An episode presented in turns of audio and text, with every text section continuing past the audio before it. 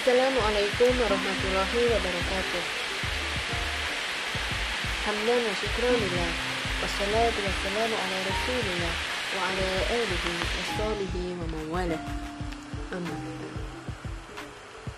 Sahabat yang dirahmati Allah, Islam mengajarkan kepada para pemeluknya agar senantiasa menjaga kesehatan dan kebersihan, terlebih di tengah wabah pandemi COVID-19 sekarang ini. Salah satu cara untuk mendapatkan tubuh yang sehat adalah dengan menjaga makan. Rasulullah Shallallahu Alaihi Wasallam telah memberikan contoh dan tauladan kepada umatnya untuk menjaga kesehatan yang kita kenal dengan sunnah-sunnahnya. Dalam menjaga kesehatan jasmani, Islam sangat memberikan perhatian kepada pemeluknya agar makan dari makanan yang baik dan halal.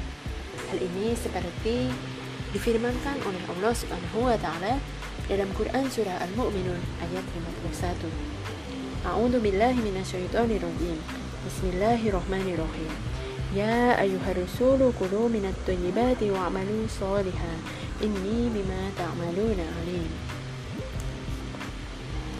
Hai Rasul-Rasul, makanlah dari makanan yang baik-baik dan kerjakanlah amal yang soleh Sesungguhnya aku maha mengetahui apa yang kamu kerjakan.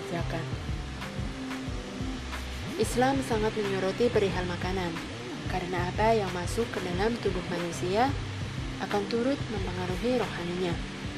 Tak heran, jika ulama masyur sekaliber Imam Al-Ghazali juga sangat menekankan perihal etika makan.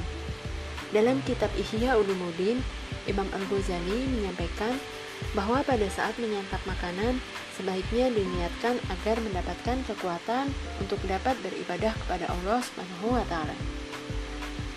Begitulah tujuan makan bagi seorang muslim.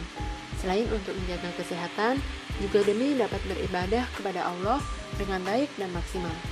Semoga kita dapat menjaga makan kita menjadi berkah di dunia dan di akhirat nanti.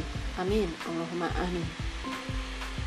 Sekian sahabat, kita akan melanjutkan materi selanjutnya yaitu tentang etika makan yang telah dijentuhkan oleh baginda Rasulullah Shallallahu Alaihi Wasallam.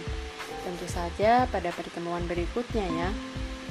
Semoga sahabat selalu sehat dan selalu dalam lindungan Allah. Wassalamualaikum warahmatullahi wabarakatuh.